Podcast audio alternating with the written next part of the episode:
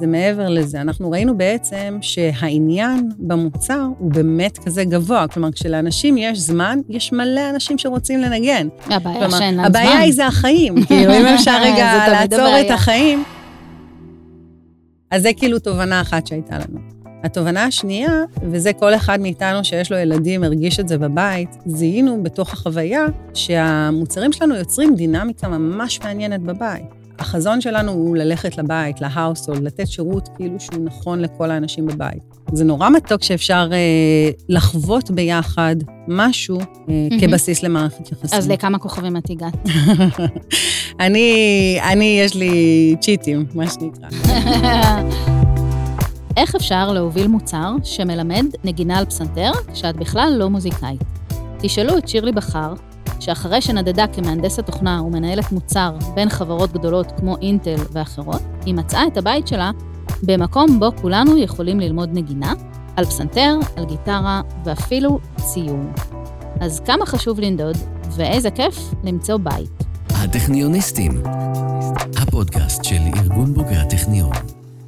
אז תודה שהגעת.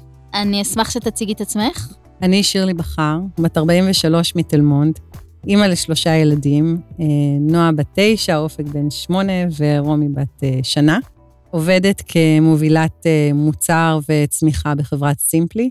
יש לי תואר בהנדסת תוכנה מהפקולטה למדעי המחשב בטכניון, ויש לי תואר במנהל עסקים, MBA, מבית ספר שיקגו בוט בשיקגו. תספרי לנו, מה זה סימפלי? אז סימפלי זו חברה שמפתחת טכנולוגיה ומוצרים אה, לאפשר בעצם לאנשים אה, לרכוש מיומנויות חדשות בתוך הבית. המיקוד שלנו זה לתת לאנשים את האפשרות לשפר את הזמן הביתי שלהם מ down-time ל up-time, או גם down-time וגם up-time.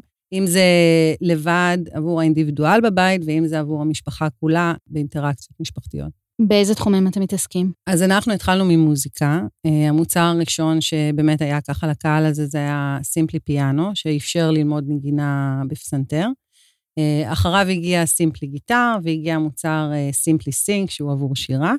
אה, ובשנה האחרונה גם יצאנו מחוץ לעולמות המוזיקה, אז יש אפליקציה חדשה שנקראת סימפלי דרו, שהיא לציור. ובעצם אנחנו רואים את עצמנו כהאב בתוך הבית הרבה מיומנויות וחוויות והתפתחות אישית של אנשים אה, בכל התחומים. מתי זה התחיל בעצם? או איך זה התחיל יותר נכון? המייסדים של החברה הם שלושה, יובל ורועי, שהם עם רקע טכנולוגי מאוד עמוק, אם זה ב-8200 אה, וגם במכון ויצמן, אה, ויגאל, שהוא אח של יובל, אה, שהוא מוזיקאי מקצועי שניגן בפילהרמונית. יובל ויגאל מספרים שהם צפו באחיינים שלהם משחקים משחקי וידאו שעות. אך עם זאת, כשאבא שלהם רצה שהם אה, יתאמנו בנגינה, הם לא כל כך בא להם ולא כל כך זרם להם. אה, ובעצם אה, הם הבינו שיש פה הזדמנות להפוך חוויה מסוימת להרבה יותר כיפית באמצעים טכנולוגיים, ובאמת להוריד את נקודת החיכוך הזאת בלימוד נגינה ובניגון על כלים. לאחר מכן, כשהם בעצם יצאו מהחוויה האישית שלהם וסקרו את השוק וכולי, הם הבינו שנקודת החיכוך הזו היא רלוונטית למלא אנשים. מלא אנשים למדו והפסיקו בגלל שהיה להם קשה עם האימונים, או חיבור למורה, או מה שזה לא יהיה, אך עדיין יש להם את החלום המוזיקלי שהם יחזרו לנגן על פסנתר, או יחזרו לעסוק באיזשהו תחום. אה, ובעצם נקודת חיכוך הזאת זה הבסיס לחברה של בואו נהפוך למידה ורכישה של מיומנויות חדשות למשהו שהוא הרבה יותר אינטראקטיבי ו compelling וכיף, גם משחקי. כאילו, יש אלמנטים משחקים במוצרים שלנו, אבל הם לא מיועדים להיות משחק. המשחקיות משרתת ככל שזה משיג את המטרה. אז מי בעצם קהל היעד שלכם, וגם מה המודל העסקי של הדבר הזה? אנחנו חברת B2C, מה שאומר שאנחנו direct to consumer. אה, קהל היעד שלנו, במקרה שלנו, באמת כל בית אב, כפי שאנחנו רואים את זה בעולם, אה, כי הרבה מהדברים שאנחנו עושים הם לא ייחודיים למדינה מסוימת, או אפילו לגיל מסוים. Mm-hmm. יש אנשים בכל גיל שרוצים לשיר, ויש אנשים בכל גיל שרוצים אה, אה, לצייר. ולכן אנחנו באמת, המטרה שלנו זה להגיע לכל בית אב בעולם.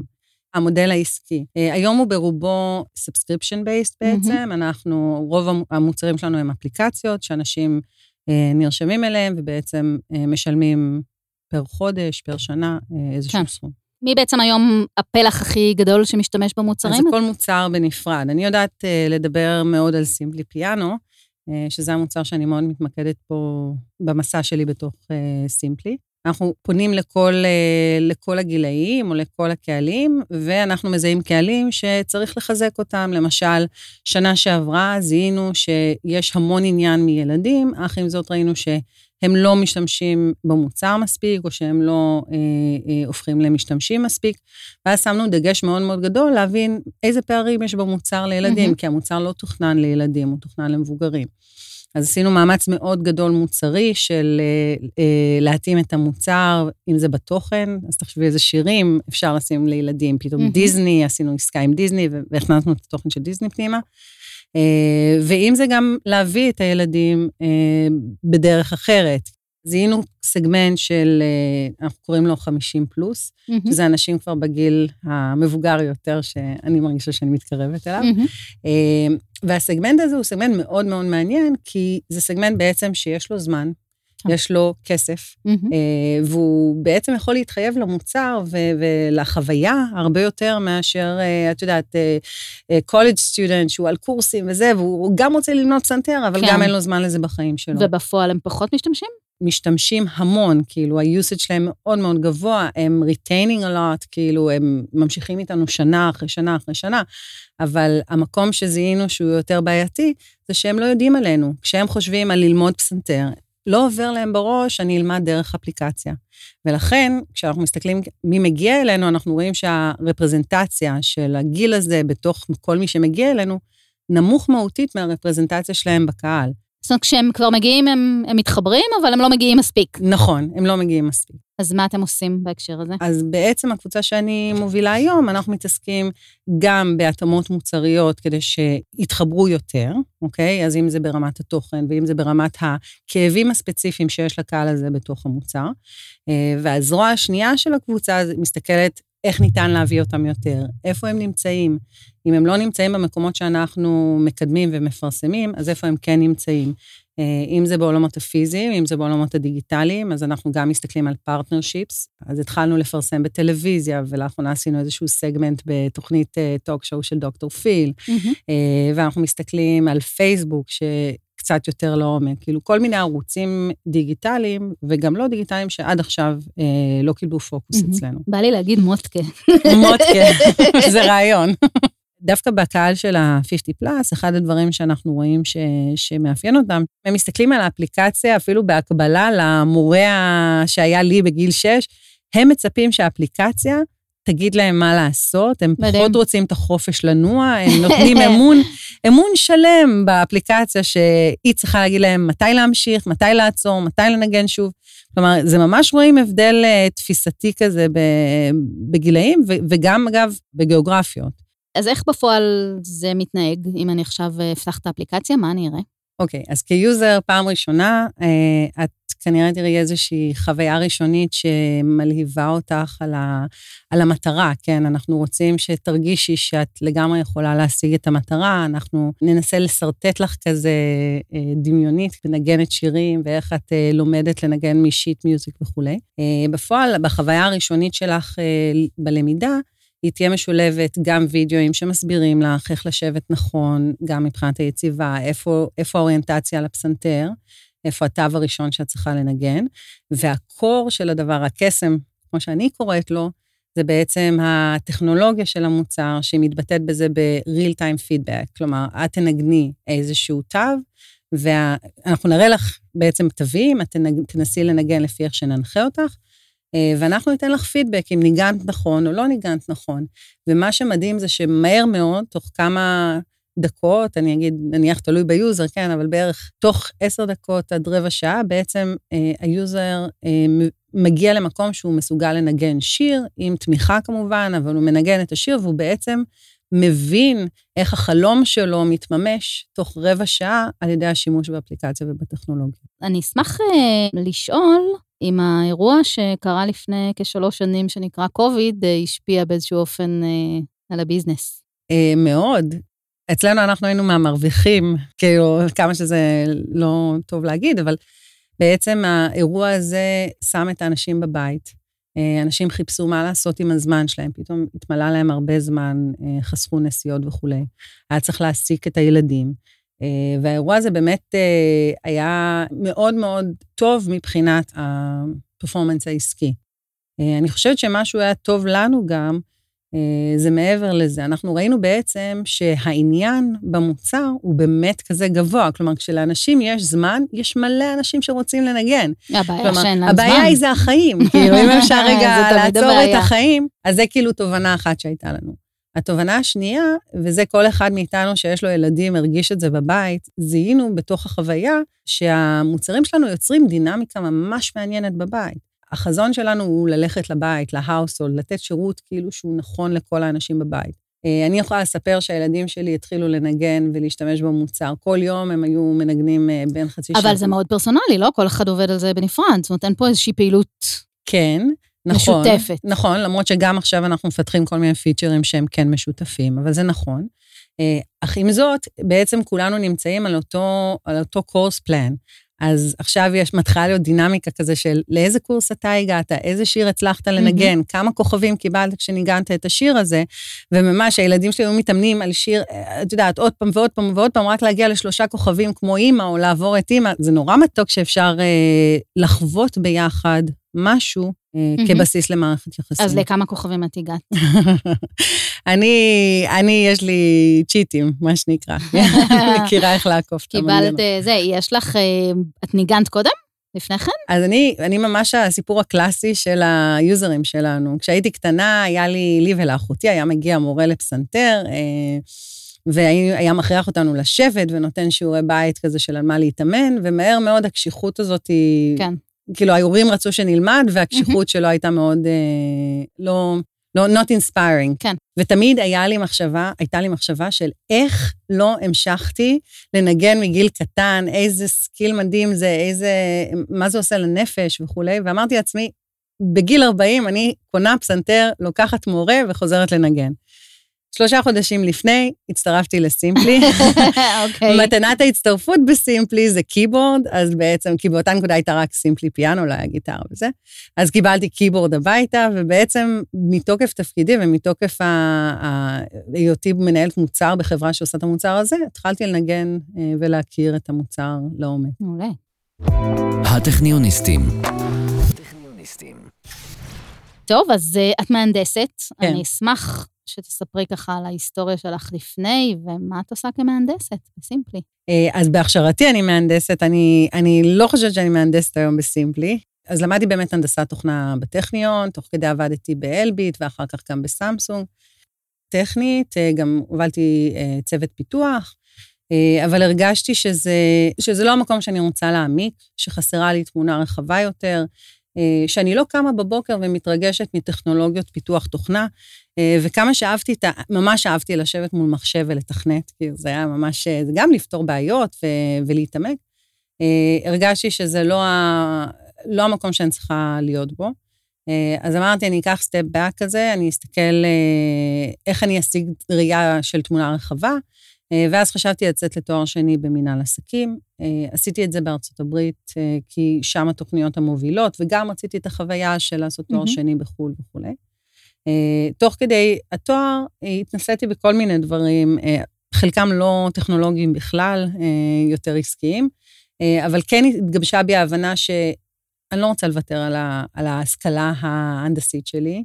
אני מאוד אוהבת טכנולוגיה ומתלהבת מטכנולוגיה, ובעצם זיהיתי את תפקיד המוצר כתפקיד שיושב בעצם על התפר בין ההכשרה ההנדסית שלי לבין העניין וההכשרה גם העסקית שלי.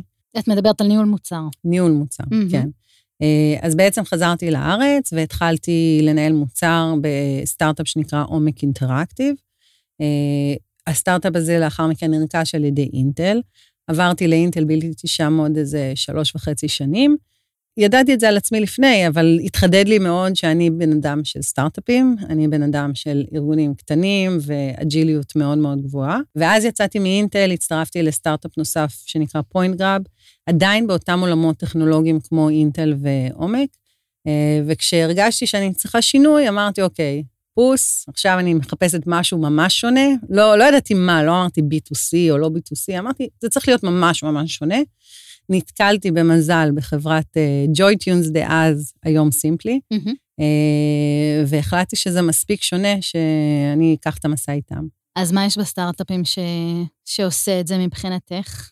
קודם כל, היכולת השפעה, uh, היכולת להחזיק את, ה, את התמונה השלמה של מה הסטארט-אפ עושה, מה מערכת האילוצים שלו, איפה האסטרטגיה שלו, מה כואב בבוקר, כאילו, מה הדברים הכי כואבים של הסטארט-אפ ו... וכולי. הדבר השני זה שסטארט-אפ דורש ממני ומכל אחד להיות סופר אה, מדויק עם מה שהוא עושה ועם ניהול הזמן ועם ניהול המשאבים. הדיוק הזה בעיניי הוא, הוא מרתק. כל פעם אתה חושב איך לעשות יותר עם פחות, או איך לעשות פחות כדי להשאיר יותר. Mhm. אז זה כל הזמן trade-off כזה שאתה חי אותו, שאני מאוד מתחברת אליו, והוא מאתגר אותי. ובכלל, הסטארט-אפ יש להם אופי של do or die. אין משהו יותר משמעותי מ"אם לא נצליח, מחר לא נהיה", כאילו. אז, אז, אה, אז הדבר הזה. זה, זה מאתגר אותי מאוד, וזה זה מוציא ממני את ה... זה מלהיב אותי. איזה כיף. אני אשמח שתחלקי איתנו סיפור אה, של מישהו שאת יודעת שהמוצר אה, עשה עבורו אימפקט. לגמרי. אז אני, אני בחרתי את הסיפור של לין, שזו משתמשת בעצם שזיהינו בתוך המאמץ שאנחנו עובדים עליו כרגע, שזה באמת להעלות את uh, קהל של 50 פלאס, או אנשים בני 50 פלוס. My name is Lynn Beneker. I live in Columbus, Ohio. Uh, לין היא משתמשת שלנו כבר ארבע שנים.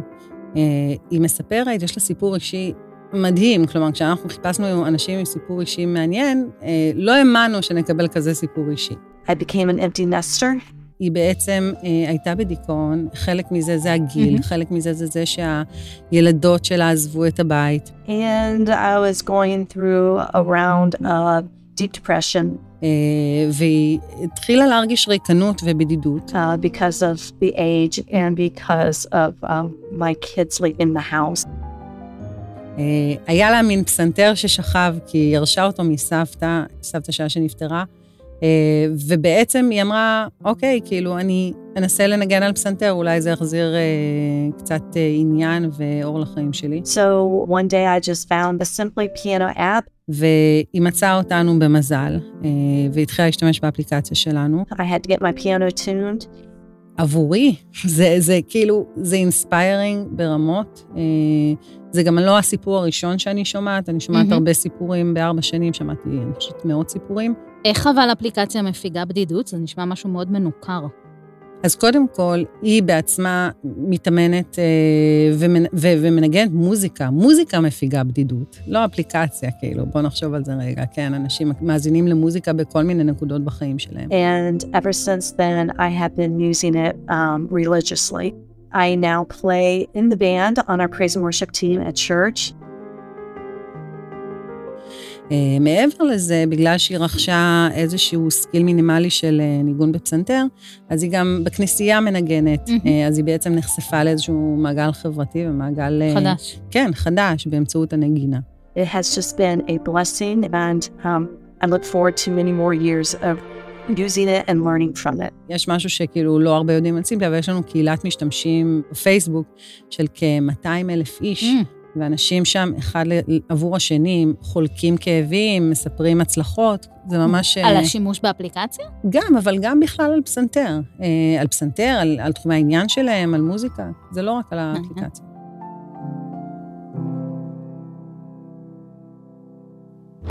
הטכניוניסטים. אמרת שעבדת באינטל ובמקומות נוספים, אני אשמח לדעת מה הפריע לך שם בעצם. מה היה חסר יותר נכון? כל מקום שאני עבדתי בו, לקחתי ממנו משהו. אולי זה לא היה ה sweet spot של איפה אני נמצאת, אבל היום, ברטרוספקטיבה, כל מקום זרק עליי אוסף של skillset וחוויות, שאני משתמשת בו גם היום. סטארט-אפ באמת מאפשר אה, לראות ולהרגיש את ה impact האישי שלך. כן, כל אחד הוא אה, משמעותי. נכון. אה, וגם להניע תהליכים בצורה הרבה יותר אה, מהירה ו- וישירה. מה ההבדל? ככה נשמח שתתארי איך זה בחברה גדולה ואיך זה בסטארט-אפ. זה לטובת אה, מאזיננו ומאזינותינו הצעירים שמתלבטים, כי אנחנו כן יודעים אה, שאצל הדור הצעיר אה, זאת שאלה, האם ללכת למקום יותר בטוח, יותר גדול, או לסטארט-אפ קטן, שזה באמת קטן וצעיר ו- ולוהט, אבל גם מאוד ריסקי. צריך לזכור שמנקודת מבט של ניהול מוצר כזה, אני לא עשיתי את תפקיד המהנדס בשניהם. ההבדל בין סטארט-אפ לקורפרט, אה, תהליכי קבלת החלטה הם מהירים יותר בסטארט-אפ. ניתן דוגמה, באינטל לצורך העניין, אם הייתי צריכה לקחת איזושהי החלטה שהיא בסדר גודל גדול, בינוני גדול נניח, אז בעצם היה תהליך של לתקשר את זה להרבה גופים שונים, אה, לקבל איזשהו ביין לפני שנכנסים לאיזשהו דיון רחב יותר, ולראות שכל האנשים בחדר אה, מסכימים, או, או, איזה, או באיזשהו כיוון של הסכמה איתי, כי אני רוצה לדעת לאיזה דיון אני נכנסת. פה התהליך הוא יותר קצר, כי ה-decision owner הוא במשרד ליד, הוא כן. במשרד כן. ליד. זה לא, וגם אין כל כך הרבה סטייק הולדרס שצריך לשכנע. Mm-hmm. ואגב, הרבה פעמים, בטח בסטארט-אפים שעדיין לא אה, מכרו המון, או, או שלא הצליחו מאוד, אין גם קוסט מאוד גדול. אה, להחלטה שגויה, mm-hmm. כי בעצם, נניח באינטל, יכול להיות שההחלטה משפיעה על existing business או על existing customers, ואז כאילו אלמנט הריסק הוא יותר גדול. אה, בסטארט-אפ, אם אתה לא מצליח בכיוון אחד ואתה רוצה לשנות כיוון ולהגיד, אוקיי, בוא ננסה ככה, כי אולי ככה נצליח, בסדר, אתה לא הצלחת בכיוון אחד, אז אה, כן. זה, זה התחושה. זה נשמע שאת בעצם מחפשת, אה, מחפשת הרבה גיוון או יצירתיות בתפקידים שאת עושה. כן, אני מחפשת שני דברים. אני מחפשת שהיומיום שלי יהיה מאוד מגוון, זה נכון, אז תפקיד המוצר הוא באמת מאפשר את זה, כי בעצם נזרקים כל הזמן לבעיה, לומדים שוק, לומדים אה, אה, קהל, לומדים טכנולוגיה, אז בעצם יש המון למידה, והיא למידה מגוונת, וגם היומיום הוא מגוון. חוץ מזה שאני באופי שלי אוהבת, אוהבת להיזרק למקומות של חוסר נוחות. אז כשאני כבר מבינה משהו, כשכבר אני עושה אותו לאורך זמן, הצעד הבא שלי תמיד יהיה לתוך אזור שאני לא מבינה בו כלום, ושאני צריכה ללמוד אותו. סטארט-אפ. את יכולה להצביע על איזשהו רגע אחד שהיה ככה מכונן בקריירה? התחושה שלי היא שיש תובנות מכוננות בקריירה שלי. אה, זה, זה נוגע לזה שעבדתי עם אנשים שפתאום הפילו לי אסימון. אה, אני נזכרת במנכ"ל בפוינט גרב, בחברה שעבדתי בה לפני, שממש נפל לי האסימון בעבודה איתו על כמה הזמן הוא הריסורס הכי יקר בעצם כן. לסטארט-אפ. כן. וכמה חשוב לעשות לא את ה... לא רק לסטארט-אפ, בכלל בחיים, זה נכון? נכון, זה נכון, גם בחיים, אבל לא תמיד, כאילו, מהחוויה שלי לפחות באינטל, וגם בחברות אחרות, באלביט לצורך העניין, אתה לא מרגיש את הדחיפות הזאת באותה, באותו אינטנסיטי כמו שאתה מרגיש אותו בסטארט-אפ. כי יש לא, החברה לא תקום ותיסגר אם אין, אין ריסק של עוד חצי כן. שנה אין כסף. אה, ואני חושבת שהאסימון שהפיל לי המנכ"ל בחברה, אה, בחברה הקודמת, זה שבאמת צריך תמיד לחשוב על איך עושים את הכי פחות שאפשר בזמן הכי קצר.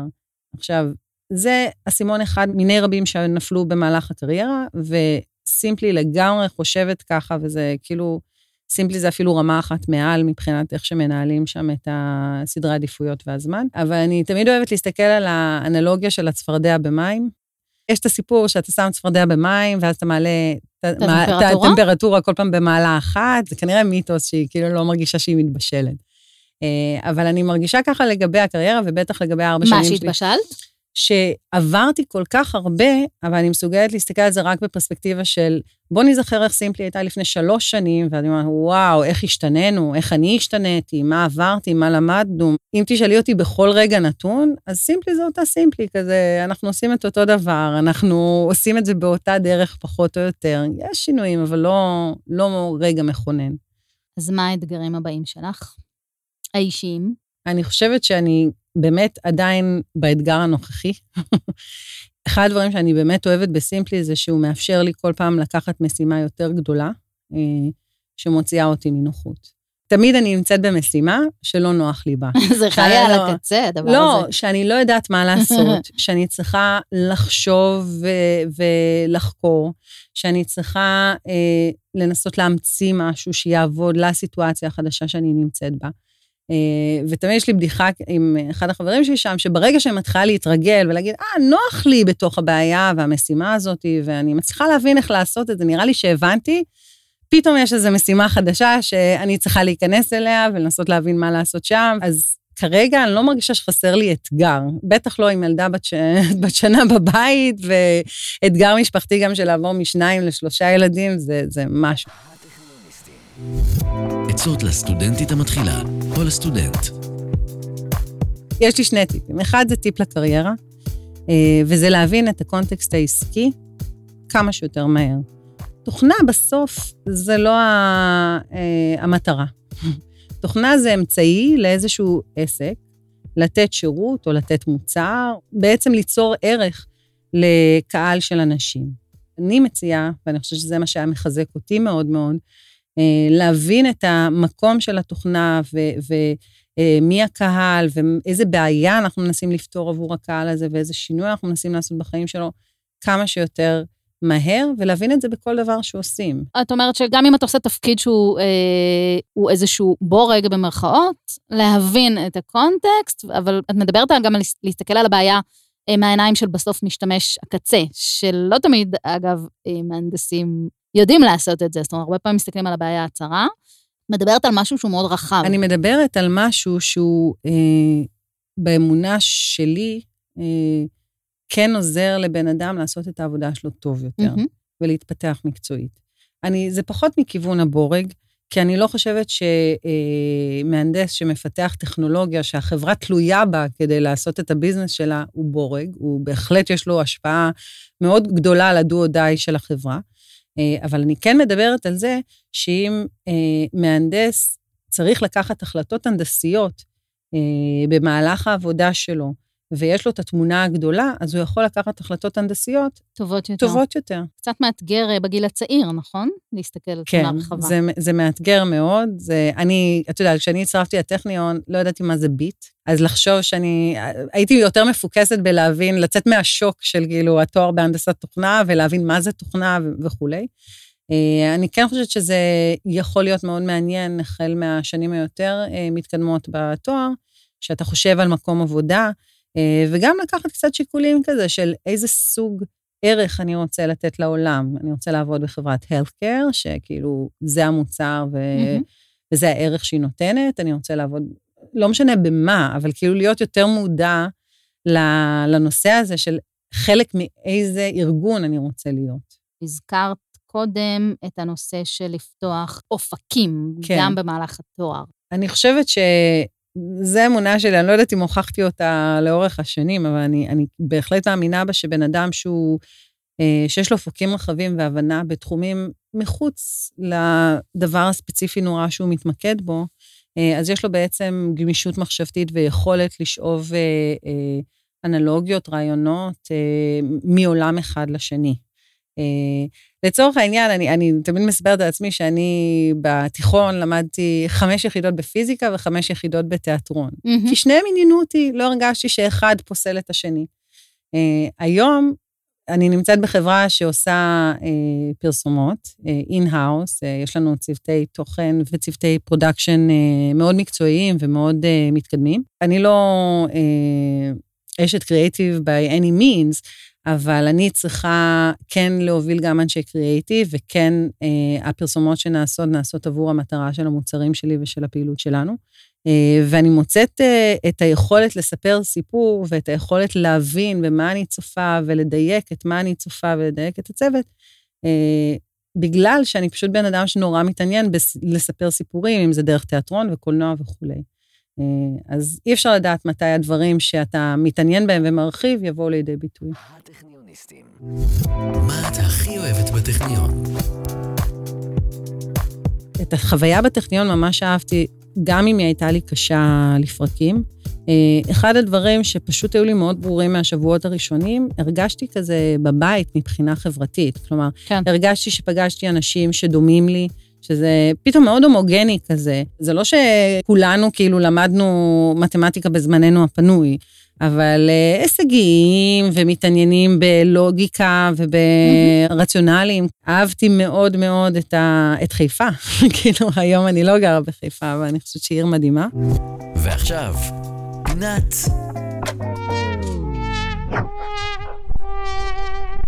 הכישלון. אני, אני באמת בן אדם שחווה הרבה כישלונות. הכישלון הראשון שלי היה בטכניון, זה הכישלון הראשון, אה, ומאז לא הפסקתי להיכשל. אוקיי. אה, אם זה מבחינה מקצועית ואם זה מבחינה אישית, כלומר, זה נמצא בכל מקום. אני חושבת שהכישלון הראשון, הוא הכניס לי את הפרספקטיבה, אה, שכישלון זה מילה, אולי מילה שהיא לא כל כך נכונה. אז הצטרפתי לטכניון אחרי שהייתי קצינה בחיל האוויר. שוב, לא למדתי מחשבים לפני זה, לא עסקתי במחשבים במודיעין או מה שזה לא יהיה. אה, הצטרפתי והייתי עמומה או פעורה, או לא יודעת איך לקרוא לזה.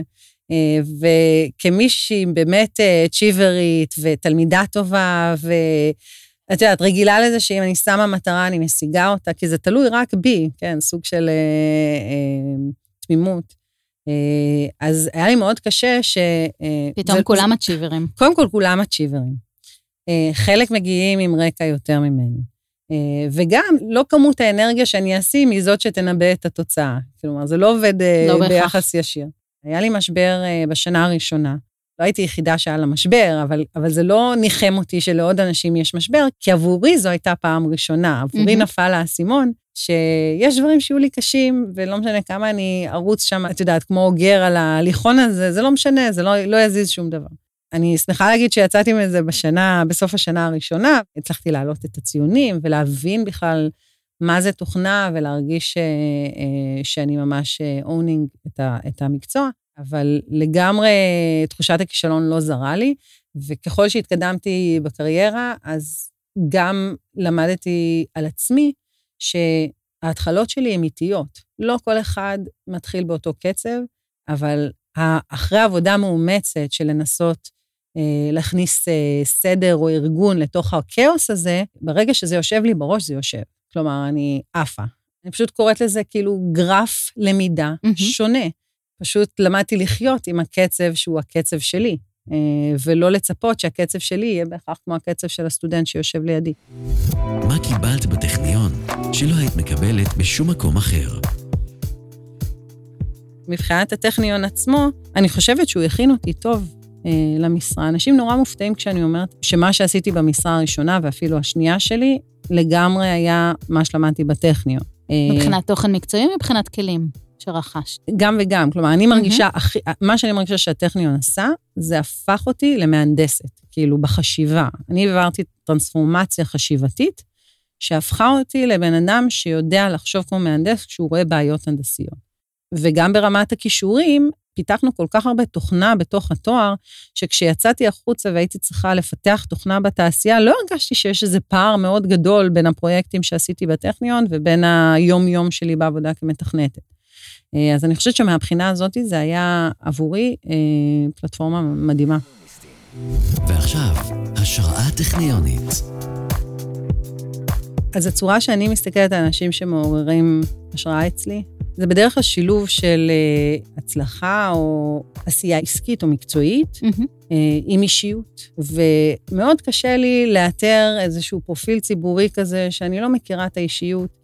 מאוד קשה לי להגיד, וואו, אני מעריצה או, או מעריכה את הבן אדם הזה. אני יכולה להעריך את מה שהוא עושה, אה, אבל החיבור האישי חסר מהמם. לי מאוד.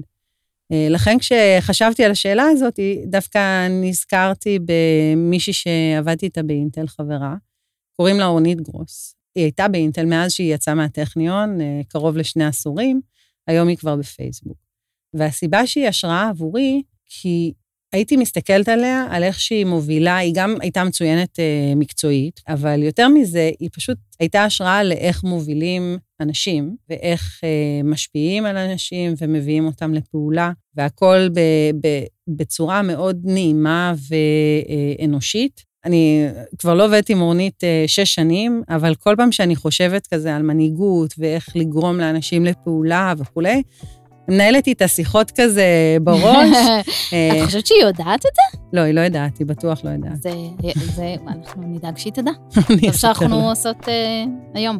כן. רציתי להגיד לך תודה רבה. תודה לכם על ההזדמנות. ותודה לכן ולכם על ההאזנה. אנחנו הטכניוניסטים, הפודקאסט של ארגון בוגרי הטכניון. תוכלו למצוא אותנו ביישומוני הסטרימינג וההסכתים, Spotify, Google, Apple, Deezer ועוד. שם אפשר להאזין לכל הפרקים ולהירשם לקבל עדכונים על פרקים חדשים. אם גם אתם רוצים להשתתף בפודקאסט שלנו, צרו איתנו קשר דרך האתר של ארגון בוגרי הטכניון. אני רותי דונג, להתראות. הטכניוניסטים,